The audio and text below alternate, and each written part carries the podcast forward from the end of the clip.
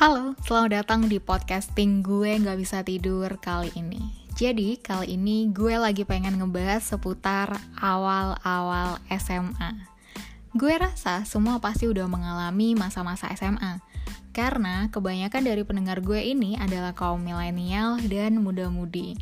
Jadi hari ini pas banget gue nggak bisa tidur bakal angkat bahasan yang lagi trending soal awal-awal SMA.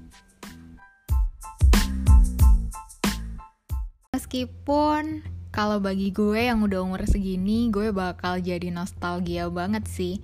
Tapi nggak apa-apa. Justru ngomongin masa-masa SMA adalah masa-masa yang asik banget. Masa-masa yang gak bakalan bisa kita lupain.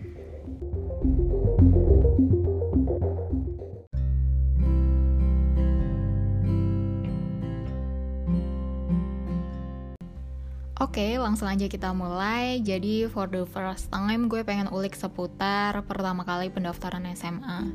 Jadi, ada beberapa murid yang memilih untuk mendaftar di sekolah negeri, tapi ada juga yang mendaftar ke sekolah swasta kayak gue.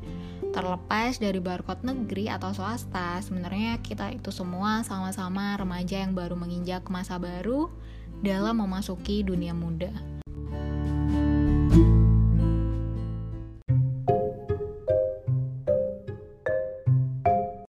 Untuk selanjutnya, gue lagi pengen ngebahas soal pertama kali masa orientasi siswa atau MOS.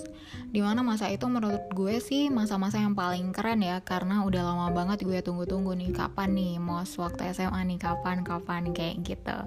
Di mana hari itu juga merupakan hari pertama gue pakai seragam putih abu-abu, yang ternyata gue pakai juga bareng sama teman-teman yang banyak banget.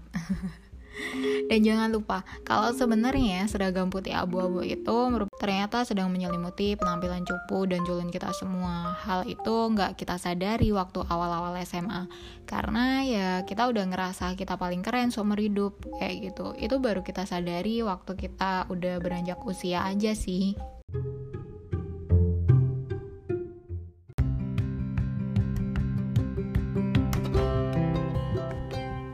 Masih ngebahas sedikit ya soal masa orientasi siswa. Jadi sebenarnya apa sih yang kita perhatiin waktu mos gitu loh? Apa itu kita merhatiin sekolahnya atau kita merhatiin mata ajarnya atau kita merhatiin gurunya ntar siapa nih, gurunya kayak gimana nih cara ngajarnya? Atau kita merhatiin murid-muridnya. Gue rasa beberapa pendengar podcast gue nggak bisa tidur di sini bakalan milih opsi terakhir. Ya karena wajar dan alamiah ya karena awal SMA itu adalah masa aktif dari pubertas kita semua.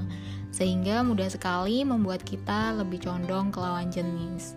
Dengan kata lain, awal MOS kita udah saling memperhatikan satu sama lain di antara murid yang satu dengan murid yang lain, lebih condong ke sana sih ya. Kayak misalnya wah si dia keren nih. Wah yang paling ujung sana kapten basket pasti. Atau wah cewek cantik yang duduknya di bangku nomor 2 ternyata dia tuh tim cheerleader. Atau ada juga yang bilang oh dia tuh dulu ketua osis lah atau anak paskibraka lah macam-macam lah pokoknya ya.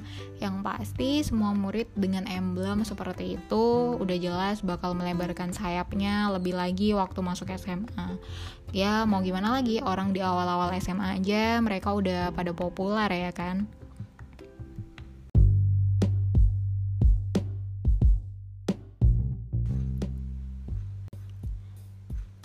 Yang pasti awal-awal SMA itu menjadi berbeda ketika kita sudah menginjak di tingkatan akhir SMA. Di situlah masa-masa awal SMA sudah menjadi momok bagi sebagian besar muridnya. Pada kelas 12, di situ kita sudah dituntut untuk fokus pada pembelajaran, tentunya demi mencapai hasil kelulusan yang baik di mana hasil itu pastinya dapat kita gunain ya sebagai bekal kita untuk melanjutkan ke jenjang berikutnya jenjang apa nih? Macam-macam. Kayak misal mau ke jenjang perkuliahan atau jenjang karir atau bahkan ada yang ke jenjang pernikahan. Jadi kita loh yang sering kita sebut tutup buku buka terop. Nggak apa-apa sih kita punya pilihan masing-masing memang